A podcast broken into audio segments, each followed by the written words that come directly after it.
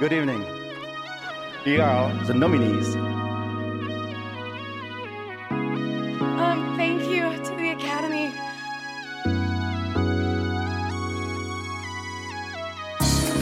It's been what they call a historic event.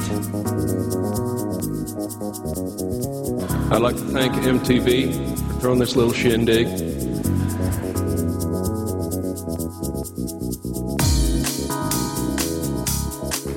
Moment, so much bigger than me.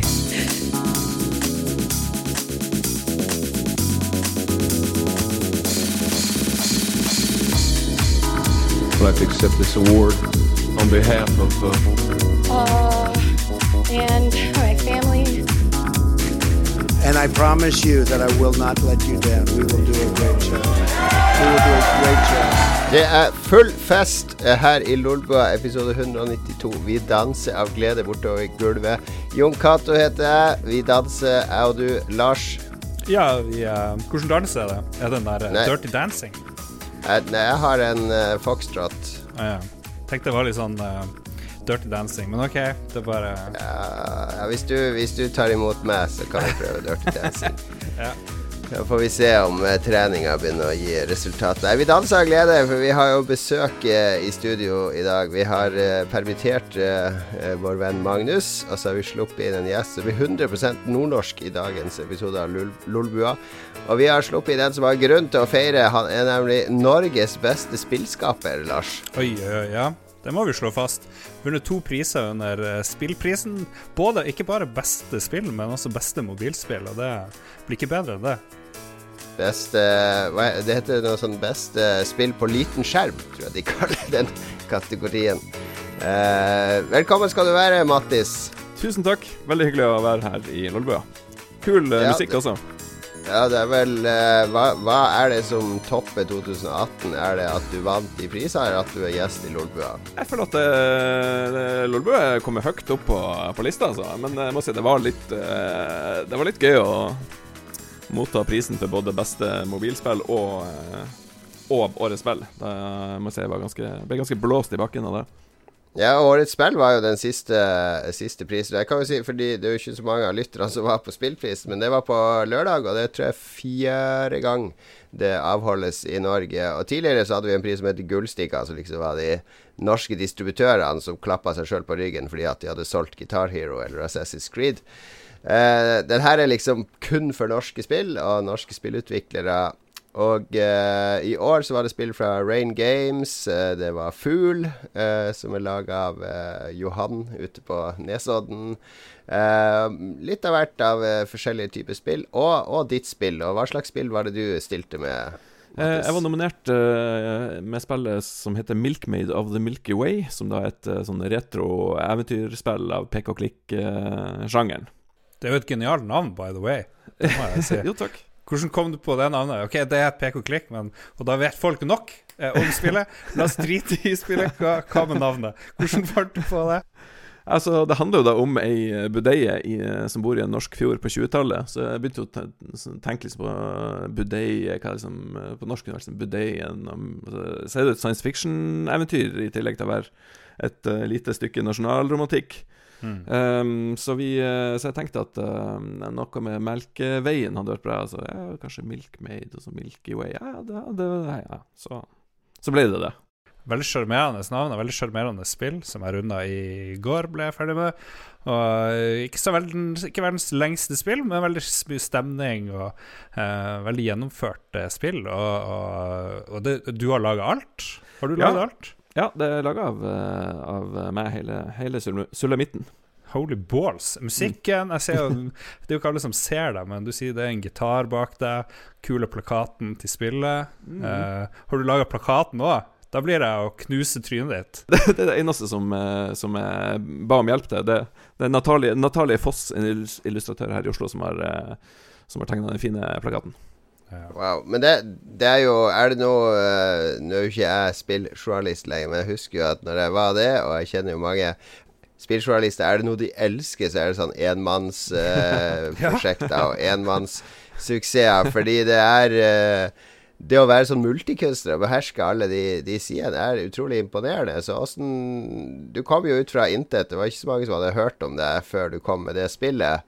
Er, er dette det første spillet du har laga, eller har du holdt på med spill før? Jeg har, eh, jeg har holdt på med spill sånn innimellom eh, i mange år, eh, men aldri på en måte gitt ut noe som har fått så masse oppmerksomhet. Um, men for sånn 20, 20 år siden da jeg gikk på videregående, så laga jeg et uh, eventyrspill til Amiga.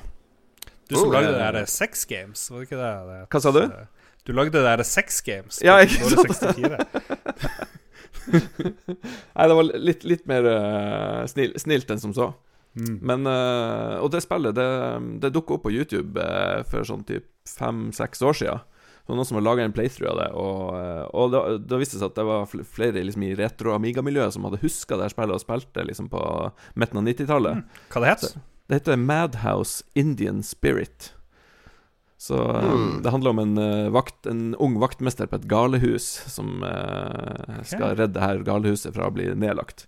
Som er sånn veldig Lucas Arts tøyse, bare tøysespill. Men uh, det var gøy å se at jeg hadde hatt et liv uh, liksom på uh, i den retromiljøet, da. Ja, ja, ja. Er det Var det også eh, 100% Ja, Det var, det var egentlig mitt første dataspill, så det var også et pek og klikk. eh. Så du har bare erfaring med å lage spill helt alene, ikke i samarbeid med andre? Ja, faktisk. Så etter det så har jeg laga Jeg jobba egentlig som utvikler i NRK, der har jeg også laga litt sånn Flash var stort på Mm. eh, 2000-tallet. Så laga vi masse små Flash-spill til NRK P3. Så jeg jobba masse med, med spill innimellom. Så jeg også laga et mobilspill som heter Flapp Flapp, som kom ut i 2011 til mobil. Som en sånn type Endless, uh, endless Flyer-spill. Det var det første Flappy Bird. eh. Ja, vet du hva, det var før Flappy Bird og hele den eh, f- det var, Jeg tror jeg var for tidlig ute, rett og slett. Det var den forbanna vietnameser som stjal ideen din. Søksmålet ditt gikk dessverre ikke gjennom. Nei, men det er Utrolig imponerende.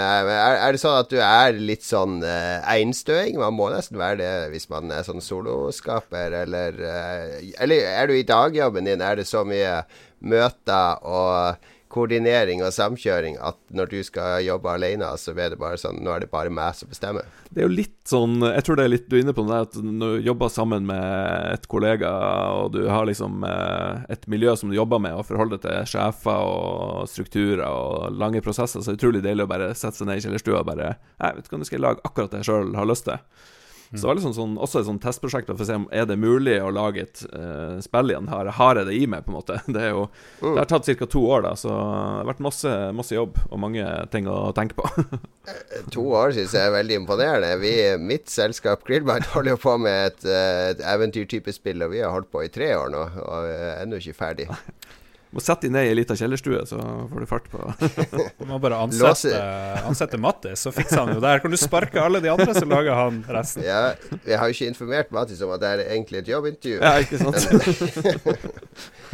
Nei, men gratulerer så mye. Det er et utrolig sjarmerende spill. Jeg prata med to av de som var i juryen etterpå, fordi det, det er jo en, en fagjury med spilljournalister som kårer de tre Den, den kategorien du vant i. Og, og de sa at, eh, at eh, det var mye eh, fordi det skjann At eh, de kjente at det var laga litt fra hjertet, det spillet. At det var var, var et sånn overskuddsprosjekt, eh, noe man brant for.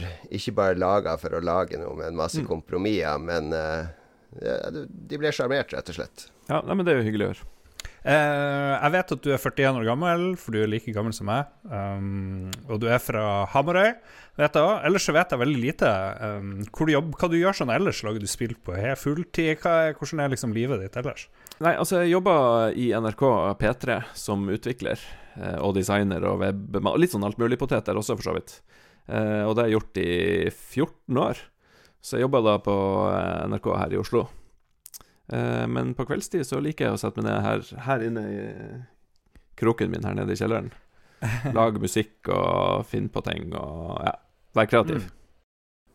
Er, er det din uh, ditt Jeg har jo også innreda et rom der jeg har eh, spillene mine, DJ-utstyret mitt, spill-PC-en min og alt sånt. Og det er liksom min måte å komme tilbake til livet på. Altså lade batteriene. Meditere er det jeg sier til min kone at jeg gjør her. Hvis jeg ikke kan bruke noen timer her ganske ofte, så, så kollapser jeg.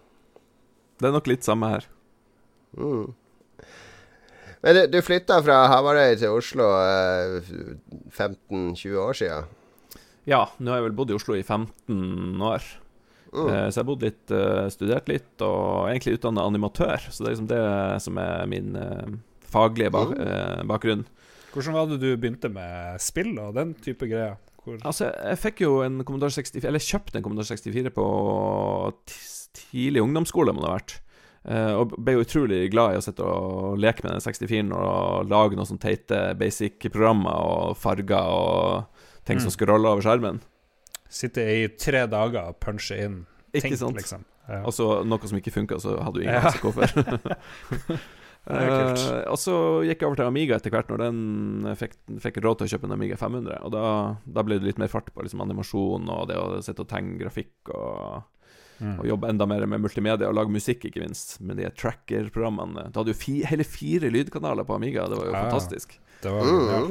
Det å sitte og se på demo er jo Ja. var jo en av mine favorittting å gjøre på Ja. Amiga. Nei, men du har kommet hjem her. Det er Amiga og Commodore og spill og greier. Det er herlig.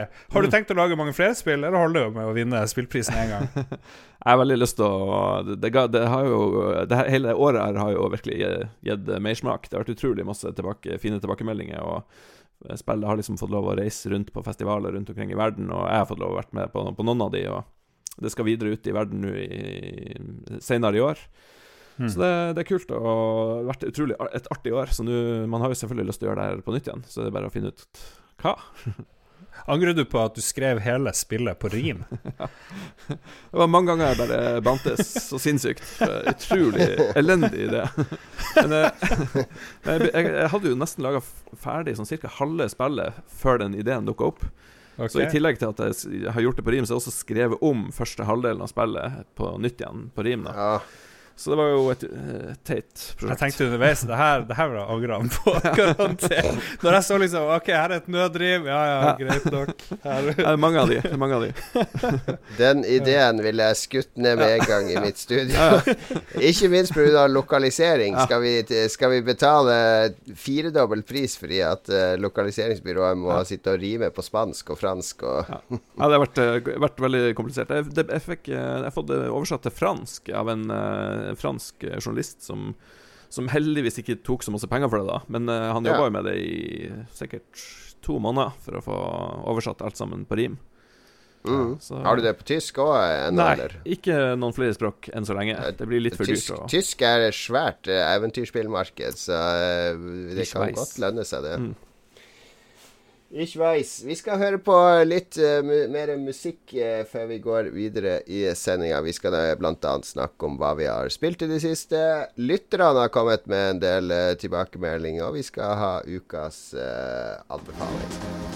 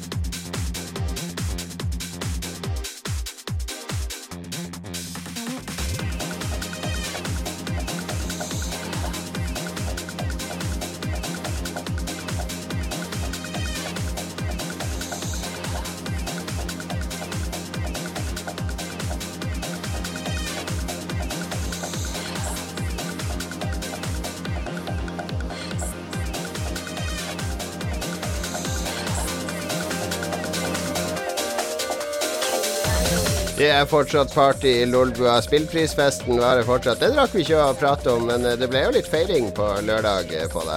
Det ble det. Det var, det var god stemning og utrolig masse hyggelige eh, spillfolk i bransjen som jeg, som jeg fikk møtt og hilst på.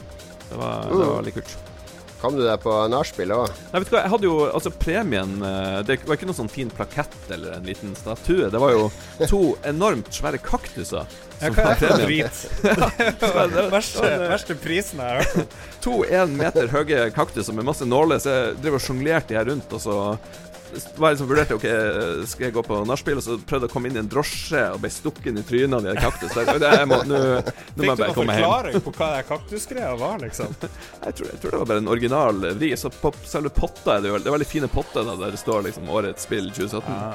Det var veldig Ja, fin jeg, jo, eh, jeg, jeg, jeg sitter jo eh, Eller jeg er jo med i arrangørkomiteen eh, litt. Bistår de litt. Jeg, spurte de litt om det, og det var en flerfasettert forklaring, da, fordi eh, denne potta er fin. Altså, alle spillutviklere, eller veldig mange, hvis man har vært på kontoret til en spillutvikler Det er litt trist her. Det er en masse sånne der Star Wars-leker og sånn. Det er ingen potteplanter. Dårlig luft osv. Eh, Det høres ut som en Eh. gjeng suringer som ikke vil gi bort en pris. Neste år så får folk en brukt urinal og en gammel Nei, kondom. nei, nei, nei, og- nei. Ja, det Men, men også eh, Hvis du gir en spillutvikler en plante, så er den død etter to uker. Fordi de glemmer jo fort å vane den. Så det, ergo blir det en kaktus. Den, eh, den eh, klarer man å holde i livet. Men, eh, men kona di blir kanskje glad for at du kom hjem Jeg, Jeg syns jo kjempe Det er en veldig kul ting, og det er noe som kan stå fremme uten å, uten å bli flau. Det glemte Så- vi å spørre om òg. Skal du quit your day job? Det er jo en viss fare for at man gjør det når suksessen kommer raskt. Når, når kaktusene ramler inn døra? Nei. Nei, altså sånn, Det har vært sånn uh, Tilbakemeldinger på spillet har vært utrolig bra, og det har vært uh, veldig gode reviews og omtaler over hele verden. Men økonomisk sett så er det jo Det å lage et uh, budeiespill på rim har ikke Det er ikke Mm. enorm inntekt. men uh, det har vært, uh, vært nok til at man har lyst til å fortsette med det, men uh, det er ikke nok til å Mm. si ha det til NRK. Er det sånn at eventyr, klikk, pek og klikk er liksom den sjangeren du vil fortsette i, eller eksperimenterer du i andre sjangre òg? Ja, altså, jeg liker gjerne å gjøre andre ting. Altså, Jeg er jo veldig glad i, i spillmediet, sånn generelt sett. Eh, Så nå føler jeg liksom gjort en, i hvert fall en retro point and click. eh, Det har liksom gjort mitt bidrag til. Så neste vers, eh, variant av spillet jeg har lyst til å lage, kommer nok til å bli noe litt annet. Ja, tror jeg. Mm. Uten at jeg helt vet hva det skal være. Men jeg driver og jobber med noen eh, spennende ideer. Jeg hadde en idé om å kombinere Jeg liker å fusjonere spillsjangre. Altså eh, point and click med cookie clicker. Altså point and clicker. Så du må bare Det var helt enormt mye klikking. Og peking, da. Veldig bra. Vi har jo spurt eh, lytterne og folk om de har noen gode spillideer, så det Vi tar det senere. Vi, går, vi følger alltid sendeplan slavisk. Vi skal nemlig snakke om hva vi har spilt i det siste. Uh, Mattis eh, som eh, gjest. Du kan få lov å være sist, så får du høre uh, oss to. eh, hvordan, hvordan, eh, hvor formelt og uh, hva slags ramme Hva slags ramme du skal ha rundt det. Lars, ja. du har vendt tilbake til et to år gammelt spill uh, mm. som en, fikk en oppdatering før jul og nytt liv. Ja. Jeg tror det kom Det kom vel høsten uh, 20... 16, må det vært? Ja, noe sånt? ja det, er nest, det, er litt over to år gammelt. Ja, Så kom det her uh, The Division, og du viste meg den her Steam Spy-greia eller hva den var, liksom, hvor mange spilte i de ulike månedene. Første måned, hvor mange usere var det samtidig? Veldig mange. Og så bare wow, raste det fort nedover, for det her, uh, ja. The Division var aldri det store, populære spillet, egentlig. Ja, det, det er jo et online uh, rollespill, egentlig, som er kamuflert litt som et skytespill. Altså Det er et dekningsbasert skytespill, men det er masse stats og tall og lut og våpen. Litt Diablo møter Det det er akkurat det. Og spillskaperne var jo litt nervøse før det ble sluppet, fordi de trodde kanskje ikke at folk skjønte at det her er ikke et vanlig actionspill, det her er et uh, rollespill. Liksom, og det er Diablo, det er, men i stedet for store monster med fem millioner hitpoints uh, som du skal gange opp på og liksom klare, så er det mennesker, men noen av de tar sånn der fem minutter å drepe, og så videre. Og folk ble litt sur, og det var litt sånn Noen klasser funka ikke, fordi du kan Du har alle kan være hvordan som helst klasse, men utstyret du tar på deg, gjør at du har ulike roller. Og alle de her rollene var ikke like bra balansert. Og de her support-karene og tankene fungerte ikke, kanskje ikke helt. Og det var veldig veldig fokus på Du måtte ha masse DPS, mye skade. Og det var liksom de som rula. Men nå så har det sakte, men sikkert over to år så er det folkene i eh, Malmö. Jeg har gått forbi kontoret deres flere ganger. Ja, Eh, Massive. Ubisoft eh, Massive, tror jeg de heter. Ja, så de har liksom forbedra og forbedra og bygd det ut. Og det er et kjempesvært spill eh, som jeg digger nå. Du kan gjøre en ny ting hver dag i uka. Du kan liksom gå underground, som er en egen sånn random dungeon-greie. Du kan gå og gjøre rides den andre dagen. Så kan du gå i dark zone, som er en sånn PVP pluss PVE-verden, hvor folk går rogue og angriper deg plutselig, og så, og så videre og så videre. Veldig, veldig mye rart. Og klassene du kan bygge, eh, fungerer ganske bra òg. Så jeg må jeg si anbefales. Jeg syns det ser veldig bra. Altså, mitt problem er at jeg kom aldri lenger enn til level 12 eller noe sånt jeg spilte det. For jeg spilte det tre uker etter alle andre, og da var alle level 30 og bare satt og klagde på endgame, fordi endgame var ganske dårlig i starten og full av bugs og juksere og så. Ja. Så, så jeg stoppa liksom der. Jeg hadde ingen å spille med på vei opp, fordi ingen var interessert i å levele opp en karakter til. For det var jo null poeng i å ha flere karakterer, i og med at du bare bytta skills på den ene karakteren din for å ha ulike builds. Så, eh, men nå har jeg prøvd litt igjen, og jeg har litt lyst til å komme etter 30. eh, eh, Fordi det virker veldig forlokkende, endgame-greier. Spesielt nå når vi er litt sånn utbrent på Destiny 2. ja, så jeg har overtalt eh, nå i dag eh, min venn Kian til å være med, min venn Charter er allerede med, og Simen, så alle, mange av de her eh, Destiny-karene våre, de blir nå omvendt. Så, men det er noen som henger igjen. Vi har noen kompiser, de bare sykt eh, inngrodd i eh, Destiny, så jeg må prøve å lokke dem bort. Det skal mye til. Men, men det er litt sånn når du lager disse enormt svære eh, online-spillene som der du skal ha de til å spille jevnt når de har nådd liksom maks og skal kunne tilby content Det er veldig få av de som klarer det med en gang. Det er en sånn iterativ prosess der du må se hva brukerne gjør, og hva de er interessert i, og begynne å tilpasse og finpusse og etter hvert finne ut av det. Uh, det. Det er jo det som har skjedd med Destiny 2. Det funker jo ikke i det hele tatt. Endgamet deres som de må endre nå. Ja, men var det litt flaks forrige gang at endgamet var bra? For det var vel bra fordi det var hele tida noe nytt å trakte etter. Fordi alle rolls på våpnene var random. Så det tok sånn en milliard år å få det du ville ha. Nei, men Endgamet var ikke bra på Destiny før etter et år. Da begynte det å bli bra. Og så ble det jo veldig bra det siste året. Så det tok nesten to år der òg før det var dugelig. Ja, ja. Så- Jo da, jeg spår at Destiny 2 er bra om ett år, ish. Da er det Vi liksom får, vi får se. Har du spilt eh, Destiny eller Division, uh, Mattis? Jeg spilte første Destiny eh, på PlayStation 4 da det kom ut. Eh, kom ikke så veldig langt på det. Jeg hadde liksom et par kollegaer som eh, vi gikk sammen og, og spilte i et par uker. Det var kjempeartig. mm. og veldig, veldig gøy. Eh, men så kom småbarnslivet og andre prosjekter og tok over. Men det, det var et kult, eh, kult spill.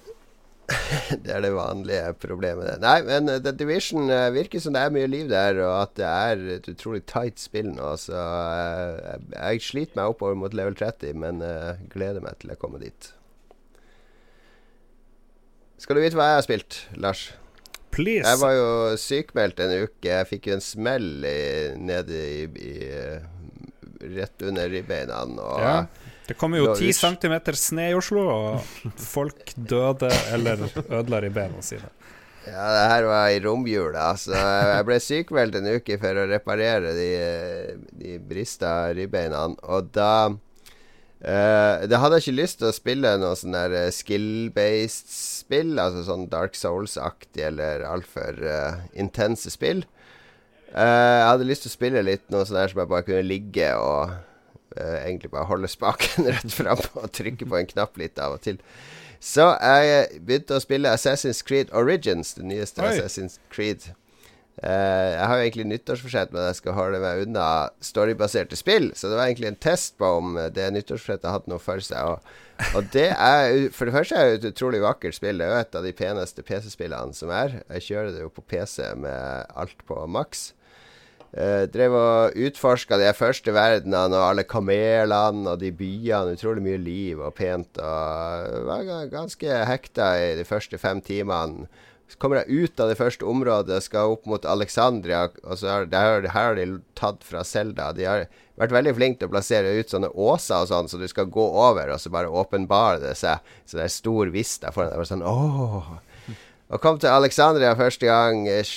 Veldig kult å klatre opp i fyrtårnet der og besøke biblioteket. og Stort, stor, gigasvært åpen verden, liksom. Akkurat som i GTA. Men så kom jeg til et punkt sånn etter ti timer der jeg begynte å bli veldig lei av å gjøre alle disse oppdragene. Ja. Fordi de NPC-ene er så utrolig kjedelige, de du møter. Altså det er, oh, my brother, he's disappeared. Can you find him? Og så løper du til det stedet på kartet, så må du sløye noen vakter. Så må du bære han og sette han opp på kamelen din, og så ri tilbake. Thank you, thank you. Og så er det sånn masse Men nå driver du på med mye side missions, ikke sant? Og det er jo livsfarlig i de her Nei, men jeg, jeg må spillene. være en viss level for å ta hovedmissionene, ikke sant? Så da må jeg ta litt side missions. Eh, og så må du grinde, drepe dyr. Eh, Det er jo også et paradoks. Det er et sånn side mission der eh, du skal eh, drepe en masse eh, av disse romerne eller grekerne, eller hva det er for noe. Fordi at de, de har sånn animal cruelty. De er så slemme mot de dyrene som er i den der eh, hesteveddeløpsbanen og sånn. Så du går på sånn mission og skal kvitte deg med mange av de. Altså Det første jeg gjør rett etterpå det, det er å hogge ned 20 flodhester, for jeg trenger å oppgradere eh, eh, bueholderen min, så jeg kan bære flere piler. Det er et paradoks. Ja. Nei, jeg spilte på PlayStation 4. Fikk, eh, fikk kode, eller hva det enn det var. Og det ble, ble, ble, ble ganske fort. Men jeg vet noen som digger det. Det er rett som du sier, det ser sykt fint ut. Men det er altfor stort kart. Det der kartet er det største jeg har sett i noe sånn her Open World-spill. ja, det er ganske det er svært. Sykt. det, Jeg bare så på det kartet og tenkte nei, det her gidder jeg ikke. Det går. Men det, det, funka veldig bra i ti timer. Bare gå rundt i den verden og utforske og ta inn alle syn og sånn. Og så, så ble jeg bare veldig fedd up. Nå orker jeg ikke å starte det igjen. Uh, så jeg holder ved mitt nyttårsforsett at jeg skal slutte å spille historiebaserte spill. Hadde spillet vært mye mer sånn her prosedyrelt genererte events på det kartet, og at jeg kunne logge på, altså det skjedd ting, og at en base hadde blitt oppretta der, og at jeg kunne påvirke ting, så hadde det det hadde hatt noe for seg, tror jeg. Men ah, den storyen er så kjedelig. Det har skapt mye debatt der, nyttårsforsettet ditt om å ikke spille historiebasert spill. Og jeg tenker jo Mattis eh, bør jo ha en viss eh, Jeg vet ikke om du er helt enig. Ja, historie, faen. Hva, hva trenger man dette? Årets beste spill var et historiebasert spill. Kommer du Ja, aldri til å kunne spille, Yokato? Det er Det er sant eh, når du sier Nei, men eh, grunnen til at jeg kom på det, var at jeg, det er så mye dårlige historier i spill. Eller det er veldig sjelden jeg har spilt et spill med en historie der jeg har tenkt at Eller det, som regel tenker jeg at den hadde vært bedre fortalt som en film eller en bok. Eh, sånn som når jeg spiller Horizon Zero Dawn. Jeg skjønner jo bakhistorien og hele greia der. Det hadde blitt en, kunne blitt en kjempekul sci-fi-roman, men i stedet så er det et OK spill. Jeg tror ikke du hadde lest den der eh, sci-fi-romanen om de her dinosaurrobotene. eh. det er godt mulig. Det er godt mulig. Det sier, sier vel hva vi aksepterer som en god historie i spill, da. Ja, ja. Kanskje. Kanskje. En god historie er det i hvert fall i, eh, i Milkmaid of the Milky Way. Det har jeg fått med meg. Så jeg må vel kanskje gjøre et unntak der òg. Disclaimer. Disclaimer. Det er i hvert fall Ok. bitte, det i hvert fall bitte litt mindre enn Assassin's Creed, og, og litt kortere. Ja, historier som jeg kan spille gjennom på en kveld, det er for så vidt uh, greit. Eh, hva har du eh, brynt deg på i det siste, Mattis? Ja, nå skal jeg være han pretensiøse indie-fyren som eh, jeg, jeg har egentlig spilt eh, Oi, så jeg har spilt to, eh, to spill i siste. Den ene var To the Moon, som da er et uh, lite sånn 16 8-16-bits RPG-aktig eh, Igjen et historiespill. Ja, ja, ja. eh, som er veldig, veldig fint skrevet. Uh, litt kjedelig spill, egentlig, men det var vel, jeg hadde hørt så masse om det. Ja, det er jo, det er jo noen år gammelt. er Sånn Ja. Fem-seks år gammelt, Tror tror, jeg. Men det ble liksom en klassiker når det kom. Jeg lurer på om det kom ut en oppfølger nå, eh, nettopp til Eller de samme folkene har laget et Mm. nytt spill som heter noe Paradise eh, Lost, eller noe i den duren. Som også er veldig vakkert og fint skrevet, men eh, som spill litt kjedelig. Men et annet spill som jeg spilte, eh, heter Gorugua på Switch. Mm. Og det var et eh, veldig kult eh, rart eh, puslespill. Også laga av én fyr, sittet alene. Sikkert i en eller annen kjellerstue, nå. Men eh, det er da et slags eh, puslespill eh, der du har fire forskjellige bilder som du skal tilpasse. Det er litt vanskelig å forklare. Også, jeg skjønner egentlig ikke helt hvordan han har klart å tenke ut det spillet. da Men det er et puslespill der du driver og pusler de forskjellige bitene fram og tilbake inni det her eh, de fire rutene, og så mm, etter hvert så begynner det å skje ting inni de rutene. Det er veldig, veldig, veldig vanskelig å forklare, men også sånn, et spill som ble skikkelig sugd inn i, som var veldig eh, mystisk. og og, du føler deg som verdens smarteste person når du endelig liksom ser noen sammenhenger mellom de her puslespillbitene og får satt de sammen. Og Det er et veldig veldig enkelt eh, spill å spille sånn fysisk, men også ganske komplisert å komme fram til løsningen. det var, eh, det var veldig kult. Ja, det er jo Det er vel Annapurna som gir ut det. De, Ja. de som har Edith Finch, og de har spesialisert seg i litt unike eh, indie-spill. Og det er et veldig unikt spill. Jeg har spilt det, og det er, du kan liksom åpne dører hvis du flytter ting riktig, og så plutselig så zoomer du ut i et annet rom. Og Ja. Det er en veldig surrealistisk eh, opplevelse. Kult. All right. Gorogoa er vel også, også ute på, til IOS og, eh, tillegg til Switch, tror jeg. Men jeg, jeg, vil, jeg prøvde å spille på telefon, det er litt for lite, så jeg anbefaler iPad eller uh, Switch. Mm. Eller andre plattformer som du kan se på. Spill det på en stor og eh, fin, større skjerm enn en telefon, i hvert fall. Jeg klarte selvfølgelig å, jeg klarte selvfølgelig å kjøpe det både på Steam og på Switch, eh, så jeg etterpå. Det er utrolig typisk eh, Ja. Problematikk. har du, du, du vet jo hvordan det å være fattig indieutvikler, så da har du i hvert fall eh, bidratt litt ekstra til at uh, utviklere av Gorogoa skal ha smør på brødskiva. Når vi kommer tilbake etter denne låten, så er det lytterspalten. Da er det bare å stålsette seg, Mattis, for våre eh, skarpe og krasse eh, lyttere er en eh, rasende mobb med høygafler og fakler som regel hver gang vi har en spillutvikler på besøk. Slide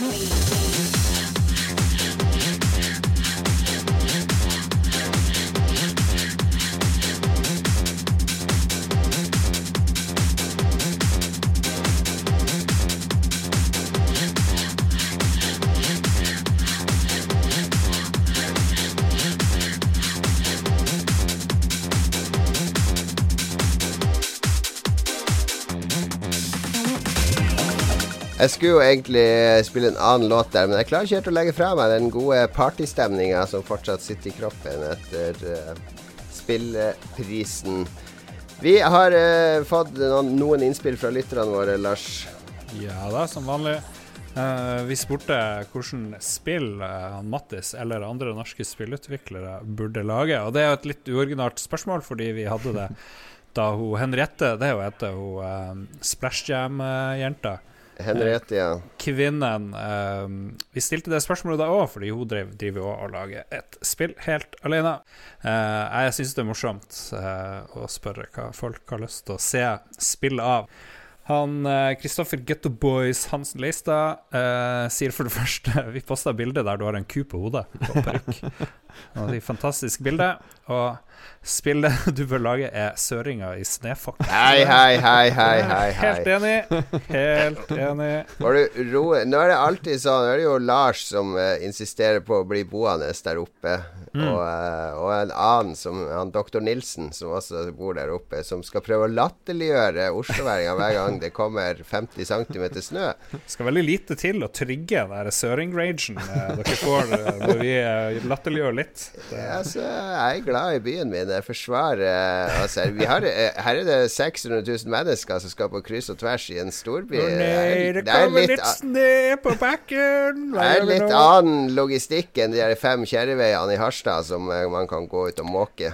Ja, ja. ja Mattis, snømåkespill, er det noe potensial der? Hva du tenker Ja, høres ut som et Switch-spill, Ja. er ikke Ja. det? Med noen kontrollere og noe. Jo, det Mm. kunne ha funka. Det høres ut som et minispill i et eller annet. Ja, det gjør, det gjør egentlig det. det må, vi tror- må ha mer kjøtt på beina der, tror jeg. Jeg, jeg tror tittelen uh, Tittelen 'Søringa i Snøfolk' alene er nok til å få NFI interessert i, til å gi et lite tilskudd. Ja, det kan være sånn, sånn lærespill. Hvordan du kler på deg flere lag. Hvordan snakke med barna om sne. Det jo eh, sånn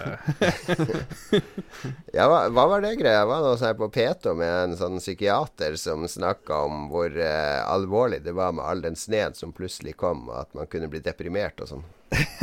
Ja, det var en av kompisene våre som hørte det, og syntes det var utrolig festlig. Og jeg har ingen grunn til å tro at det er feil. Vi, vi må ikke sjekke i hjel en god historie. Skal vi se.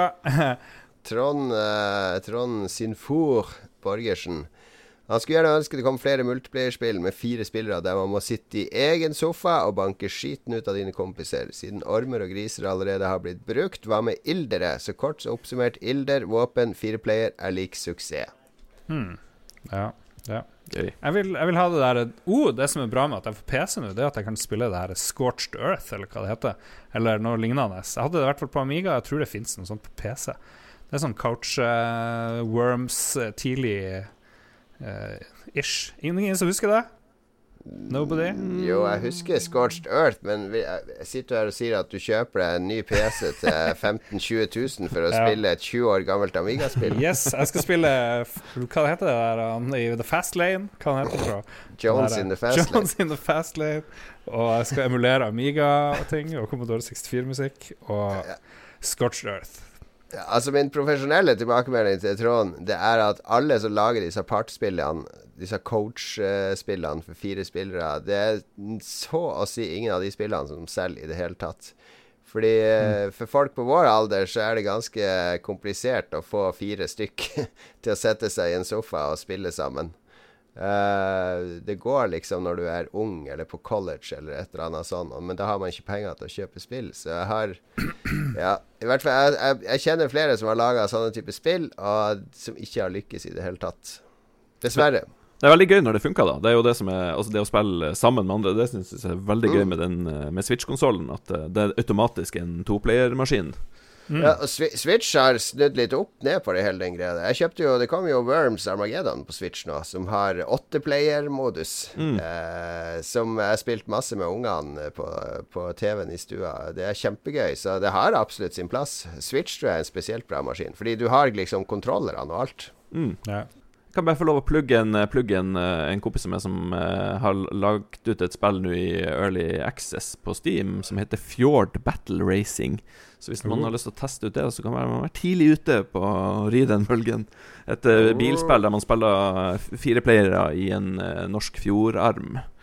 Eh, på, Nice. på Vestlandet, så vi er jo begge vestlandsbasert. Uh, yeah. Hørte det først her på Lolbua. Ja, Fjord. Battle Racing. uh, spillprisen 2018. Det er Fjord Battle Racing som tar hjem prisen. ja, for det, det var fjord i Milkmaid, og så lenge du har fjord med Ikke sant? N- Ja. Norsk, så garantert kaktus. Det, det var jo sånn i starten, når de begynte med den støtteordninga i Norge, at det måtte uh, være Norsk kultur måtte være med i spillet, da. Jeg trodde det var sånn fremdeles. Er det ikke sånn Nei, det, nei, nå er det Det er ikke det. Det må være opphav fra Norge. Eller handle om å foregå i Norge. Eller du har en sånn kulturtest, så så lenge du krysser av på noen av de, så, så er det greit. Jeg tenkte at du Eh. måtte presse inn vikinger, nordlys, eh, sneskutere, Carl I. Hagen I starten var det sånn at halvparten av spillene som ble pitcha, var vikingspill. Altså de som ikke var vikingspill Jeg husker Drømmefall kapitlet Nei, ikke kapitlet, men det som var på Xbox. Dreamfall eh, et eller annet. Det, det, det som kom på Xbox. Når de pitcha det i, i den ordninga der, så hadde de putta litt sånne bilder av kong Olav på veggen til det så i sånn maleri av kong Olav. Altså sånn norsk flagg som sto på skrivebordet og sånn. bare Se, det er norsk. Eh, Her er de norske elementer. Ja, tidlig. Herregud. Det var litt flaut. Ja. Erlend Selvik, spill basert på bøkene 'De fire og han som gjør all De fire og han som gjør galt verre', og det visst hadde ikke jeg hørt om. Måtte jeg google. Norsk fantasy-trilogi skrevet av Hans Fredrik Follestad. Humoristisk fortelling for ungdom som forteller om fire kamerater. Ilderen Bambo, pandaen, vaskebjørn og elgen. Er det her noe du kjenner til, eh, Mattis? Nei, det har jeg hørt om. Det var en ilder-tematikk her som eh, er, er, Ja. er det noe å hente her? Andre Ilder-spill her. Ja. Holy shit. Men det høres jo ut som noe pek og klikk-materiale. Hvis det er sånn fire kompiser, så kan man bytte mellom de fire som Ikke er på sant. forskjellige steder i Ja, verden. ja. Eh, bøkene er solgt i Sverige, Danmark og Finland. Serien ble i 2005 belønnet med Nordkon-prisen. Som sikkert er en sånn rasistpris, men jeg, kanskje ikke. Gud vet. Ja, det beste forslag hittil, vil jeg si. Eh, Karsten Solheim har kanskje et bedre et. Et spill der fiskere i nord border hverandre og slåss om fiskeplasser med nordnorske gloser som skjellsord, som i Monkey Island 3. Ja. Er det det der Barentsfishing-spillet som kommer snart? Eh, Burde i hvert fall være en sånn eh, mod til det med noe bannskap. Det må det jo være. Det burde jo være det. Han er jo fra Nord-Norge, han òg. Vi burde jo ha en sånn stor nordnorsk-samling med nordnorske spillutviklere en eller annen gang. Men eh, det jeg vet de sliter med i Nord-Norge, eh, er jo eh, Vi har sånne regionskontor som tildeler støtte i, eh, til spillutvikling, som er under film, egentlig. Og det er i Tromsø. Utrolig vanskelig å få De, de er så skeptiske til spill, så de gir bare til film. Så et eller annet burde vi gjøre for å få Nord-Norge på spillkartet. Mm. Mm. Uh, og apropos det der uh, Barentsfishing-spillet, tror dere det blir sånn Battle Royale-mode der? Det vil jeg tro. 100 fiskebåter mot hverandre samtidig. Blir kvota mindre og mindre. Kvota blir mindre. og mindre. 100 fiskebåter som hopper ut av et fly. Fiskespill, Mattis, er du med på det? Ja, jeg, jeg blir med. Ok, Jammeren. Jammeren. Ja, bundet seg for 20 år med spillutviklinga. Eh, Anders Lønning, et spill hvor Hei, har noen sagt at Mattis ligner på Ed Norton? Det må jeg si. Uh, ligner du på Edward Norton i dag? Nei, jeg vet ikke. Har du, har du fått høre det fra andre, Mattis? Det har ikke jeg hørt før, men uh, det er jo en eh, det, det er vel en ok referanse å ha i Ja, ja, ja. Fins verre folk. folk. Fins verre folk å ligne på. Ok, Magnus Eide Sandstad, her er greia. 1. Skaff lisens på Portveien 2. 2. Lag Battle Royale-spill med Gulars, Indigo, Marianne og øvrige. 3. Pros profit as fuck. ja.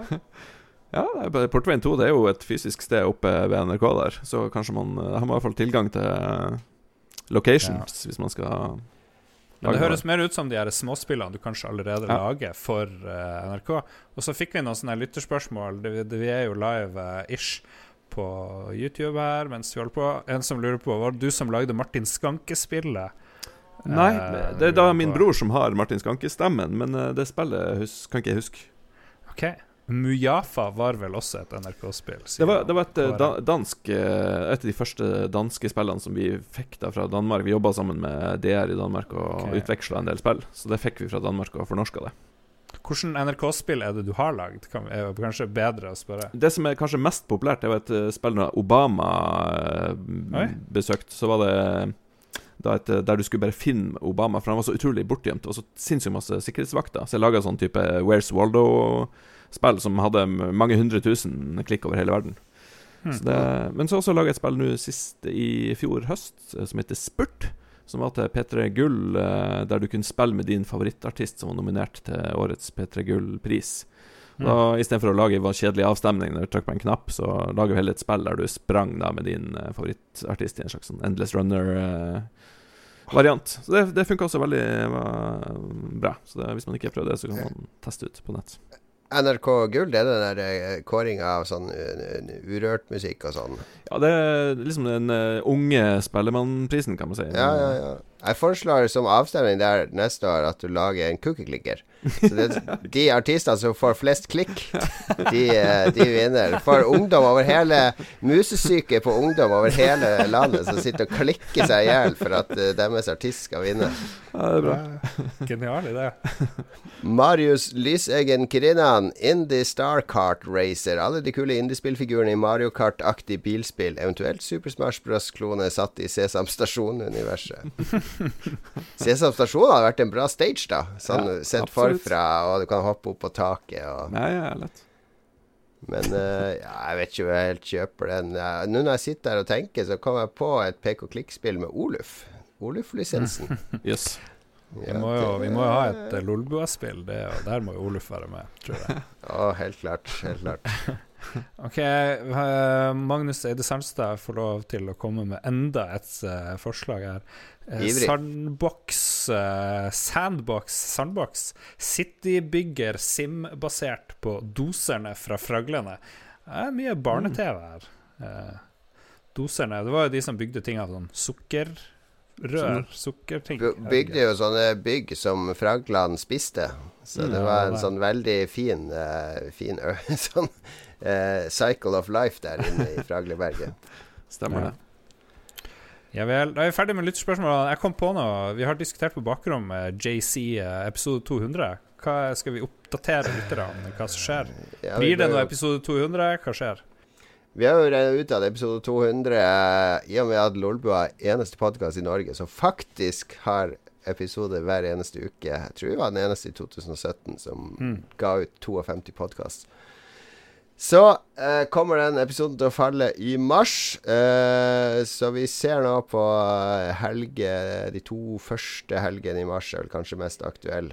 Kanskje den tredje òg. Mm. Uh, men still inn uh, Hvis du bestiller Hvis du kommer langveis fra, bare bestill en flybillett til Oslo fra 1. til 31. mars, så er du sikra å være der den helga. Konge i det.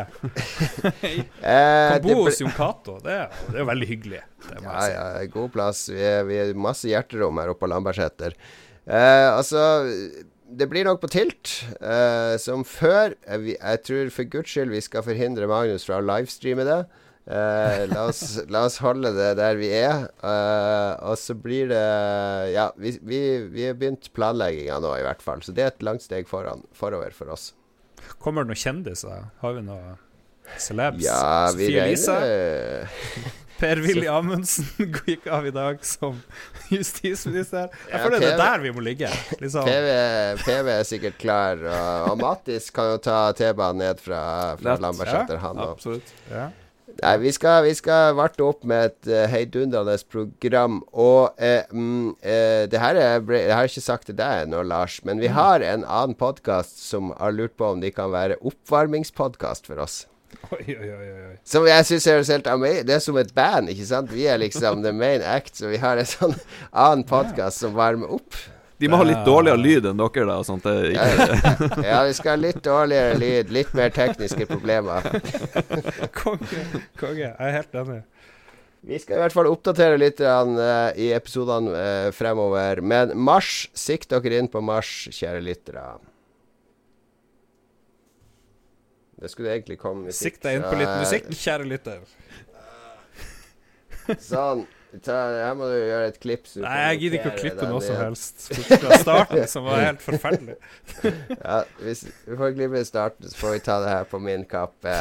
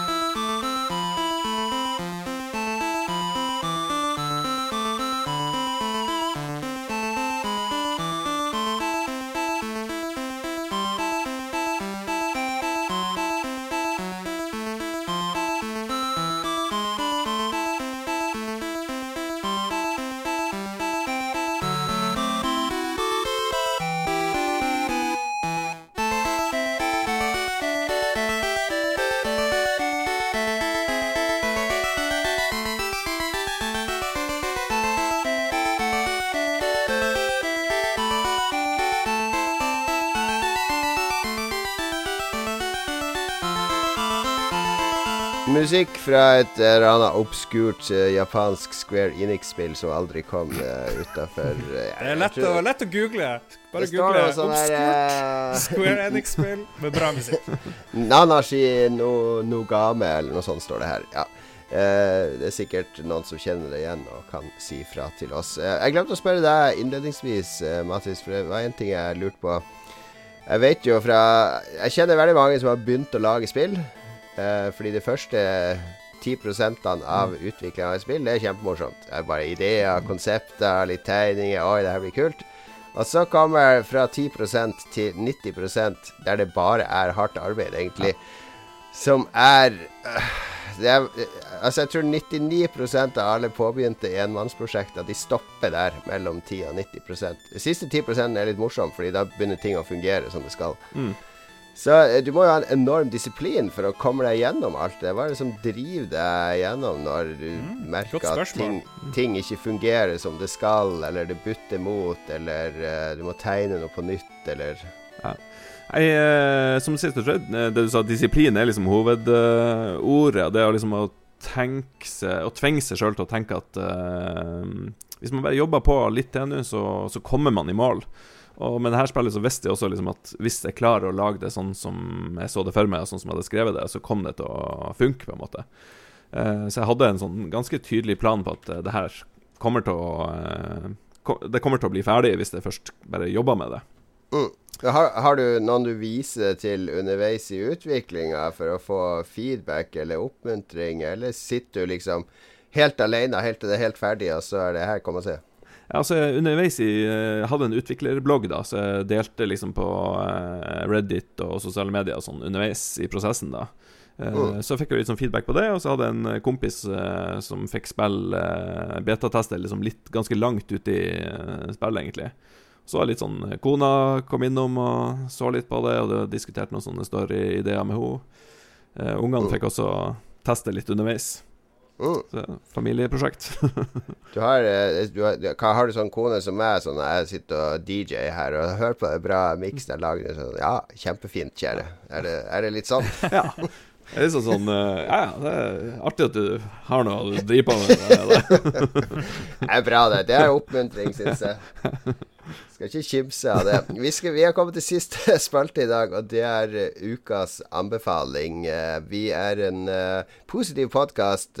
veldig mange negative podkaster som skal liksom rive ned alt og kritisere alt. Men vi har en anbe anbefalingsspalte der vi vil berike våre lyttere sine liv.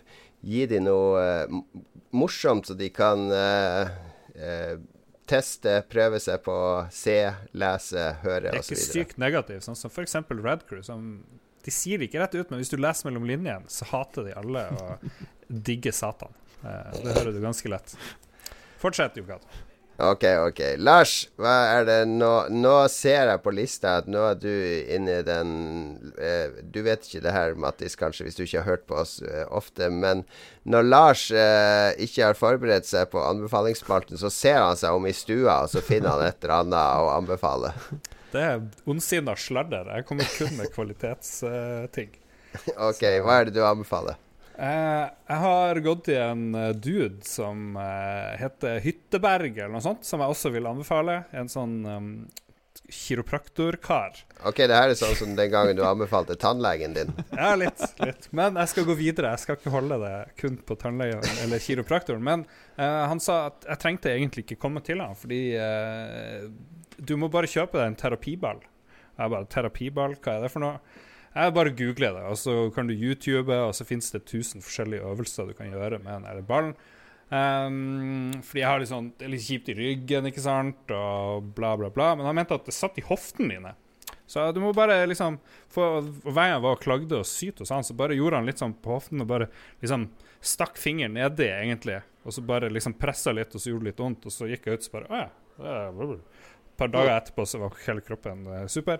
Så det, ting kan jo sitte veldig rart her og der i kroppen. Men med en terapiball så kan du liksom massere og gjøre de her eh, Aktivere muskler og, og liksom gjøre ting, manipulere litt og tjo og hei, hvor du enn du vil. Du må Hvordan bare bruke din egen eh, kroppsvekt. Hvordan det ser ut som en, en Den jeg har, ser ut som en tennisball, egentlig. Litt sånn, Så liten? Ja, litt, kanskje litt større enn en tennisball, men den skal jo liksom være liten nok til at, at du presser inn. Hvis det er som en fotball, så får du ikke, får du ikke Å ja, jeg, punktmanipulere. jeg så for meg en sånn stor medisinball. Som Nei, nei, nei. Nei da. Nei da, den er ganske liten. Jeg kjøpte den på XXL, eh, gjorde jeg. Den var Mm. oransje og ganske Er det masse det sånne øvelser du kan se på YouTube og sånn? Jeg har ikke gidda å gjøre det, jeg har ikke kommet så langt, men han påsto det, da. Så jeg har egentlig bare ligget sånn på, på litt sånn på sida og litt hadde han litt sånn i rævområdet, hvis vi skal si det. og, og hofta. Jeg er sikker på at det ikke var en analkule han anbefalte. Han. Nei, det, det, det, det, for, det anbefaler andre meg hele tida, sånn som du. Men, men det funker som faen. Det er helt supert. Eh, anbefaler den der lille dingsen. Og så um, kan du bare ligge og chille og høre på en podkast. Du trenger ikke trene. Det er trening er oppskrift. Bare ligg på en hard ball, og alt går bra. Ja, jo, jeg, Vi husker jo nyttårsforsettet ditt, som både meg og Magnus var skeptisk til. Jeg, Jeg, jeg blir ikke noe mindre skeptisk av å høre at treninga di nå er å ligge på en ball. Vi får se. Jeg skal ned ti kilo, Mattis. Det, it's gonna happen. Bare vent. Jeg krysser fingrene for det. Mattis, hva har du lyst til å anbefale, bortsett fra å bli kåra til eh, Norges beste spillutvikler? Jo, um, jeg har uh, I eh, jula så spilte vi sånn fysiske brettspill, så ble jeg sånn gira på gode, gamle fysiske spill. Så jeg kjøpte et spill som heter Sushi Go. Som er et uh, kortspill uh, for egentlig for hele familien. Som er litt sånn eh, card drafting-game som viste seg være kjempesuksess når, vi- når jeg spilte sammen med andre. Mm. Veldig enkelt spill der du deler ut kort. Skal du bygge opp en slags eh, sushimeny, der du eh, samler på diverse biter. Så må du hele tida sende videre kortene i en sirkel, så du eh, må liksom legge strategi på Skal du ta de beste bitene, eller skal du prøve å samle opp noe Så det er- et utrolig, utrolig morsomt uh, spill som eh, vi hadde masse glede av. Så det er enkelt uh, kortspill med litt strategi. Mm. Sushi Go. Var det det han Torbjørn hadde med på hytta? Ja, jeg lurer på om vi ikke kjørte det på hytta i år. På, eh. Det er mye, mye sånn her eh, Du må samle på flere ting. Ja. Jo flere du har, jo Mm. mer poeng får du, osv. Yep. videre Ja, veldig gøy. Veldig Mm. gøy Veldig vanskelig òg. Sånn Det er litt tricky. Plutselig så har du tapt, og så bare Hva farsken? Jeg hadde jo masse, masse eggerøre, liksom. Eller Sjuåringen min klarer å spille, så da, det føler jeg liksom Ja, ja, ja. er terskelen forholdsvis lav. Hvis du vil ha ett til som mine unger elsker, de er fem og åtte og 16, eh, så er det King Domino som jeg har anbefalt i denne spalten før, faktisk. Det tar 15 minutter å spille. Alle skal bygge hvert sitt kongerike med sånne dominobrikker som har tegninger av ørken og fjell og gruve og slott. Kult. Og det er helt amazing morsomt. Eh, Du har bare lyst til å spille en gang til med en gang du er ferdig. Så eh, jeg tror du får det på Mm. ark òg, faktisk. Så det er absolutt verdt å sjekke ut. Men min egentlige anbefaling, det er eh, Jeg så også et par filmer da jeg var syk nå. Jeg brøyt dem mitt Jeg har en dogme om at jeg bare skal se 20 her år. dogmene dine er jo ikke verdt eh, papiret de ikke er skrevet på, for det var tull. Når jeg er syk, når jeg er syk, når jeg er syk så er det unntakstilstand, Lars. Jesus Jeg, Christ. så, eh, jeg, jeg, jeg var sjuk, så jeg måtte se Ok, skal jeg sjekke ut noen nye filmer. Så jeg prøvde å se Alien Covenant. Det var helt ferdig. Eh, Jeg klarte ikke å se siste timen. Og hva... Uh, Alien Covenant er dårlig, for et sjokk.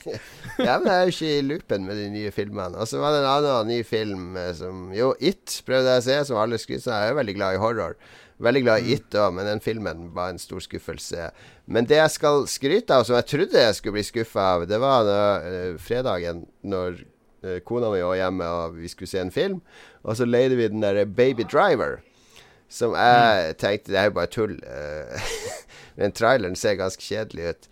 Men eh, eh, det er jo en film laga av han der Edgar Wright, som lagde Shaun of the Dead og, og eh, laga World's End eller noe sånt. Og Hot Fuzz. Hot Fuzz, britisk regissør, eh, som handler om en sånn getaway driver som hører på iPoden sin hele tida, og musikk. Og så nesten hele filmen er klipt til musikk. Det er nesten musikk hele tida. Så det er som en 90, en to timer lang musikkvideo, egentlig.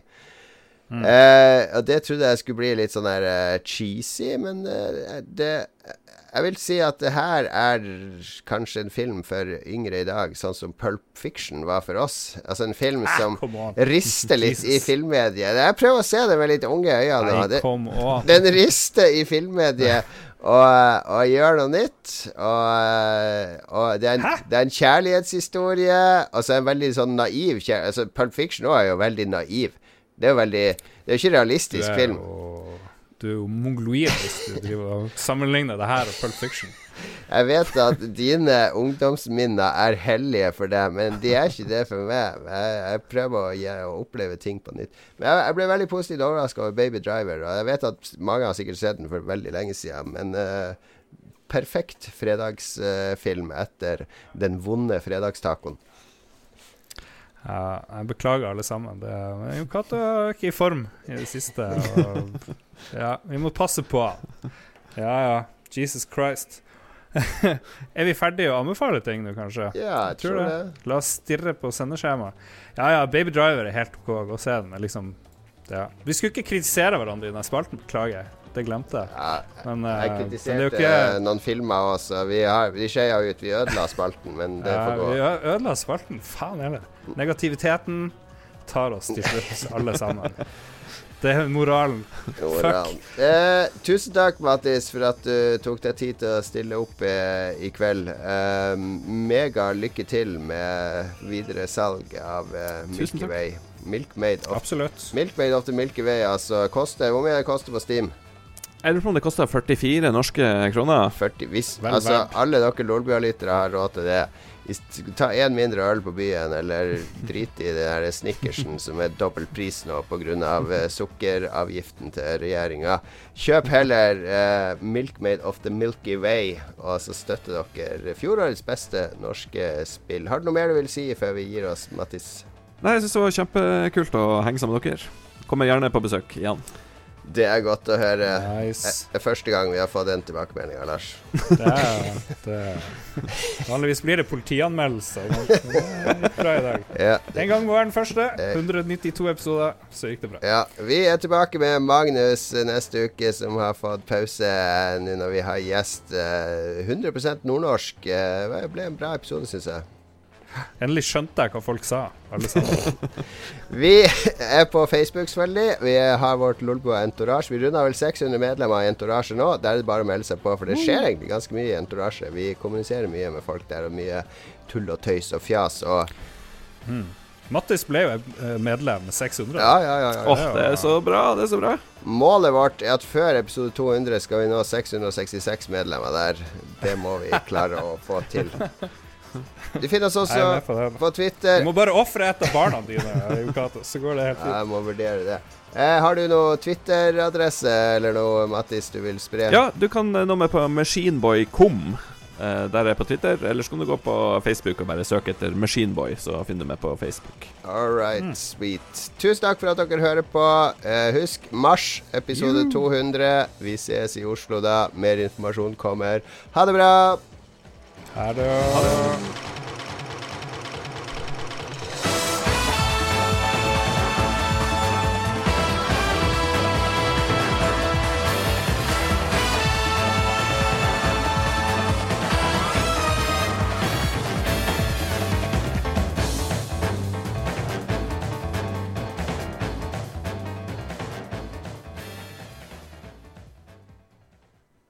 Alrighty. Skal vi eh, si takk til alle som uh, fulgte med live, og som ser det etterpå på YouTube. Uh, husk å gi penger til eh, Donald Trump. Kjøp Donald Trump-caps. Kjøp uh, Gå og besøk eh, golfbanen hans hvis dere er i USA.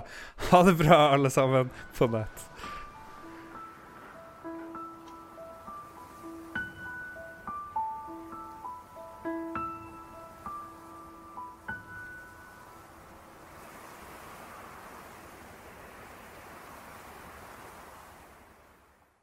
Let's go on a journey to where the air is clear, to a fjord in 1920s Norway, some distance from here.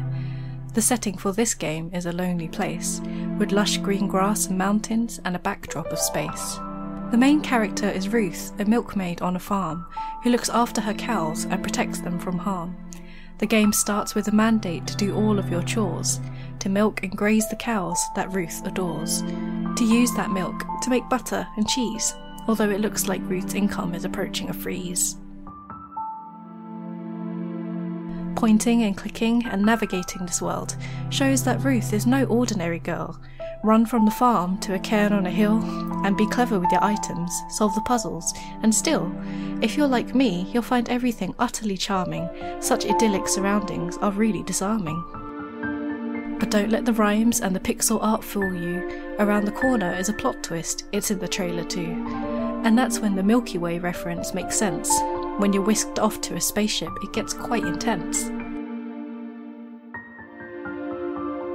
And on this spaceship, there's an evil queen aboard who likes to bully, intimidate, and most of all, hoard via a nefarious machine the youth of the poor souls on the ship. Everyone's going to die unless you help them out. Quick! It's on the ship where point and click really stands out. Seasoned veterans of the genre will progress with no doubt. Gather items, talk to people, solve all of the problems. Poor Ruth! But by the time that she's done so, she'll discover her own truth. It's clever, I liked it. It's really quite lovely. The story is sweet, it made me feel warm and all snuggly.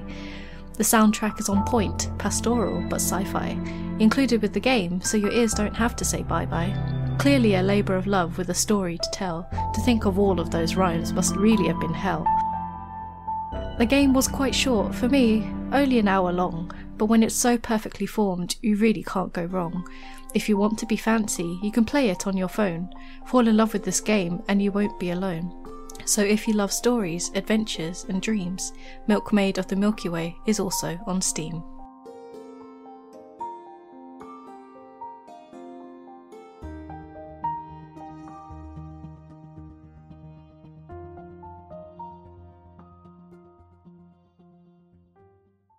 Har du et enkeltpersonforetak eller en liten bedrift? Da er du sikkert lei av å høre meg snakke om hvor enkelt det er med kvitteringer og bilag i fiken, så vi eh, gir oss her, vi. Fordi vi liker enkelt. Fiken superenkelt regnskap.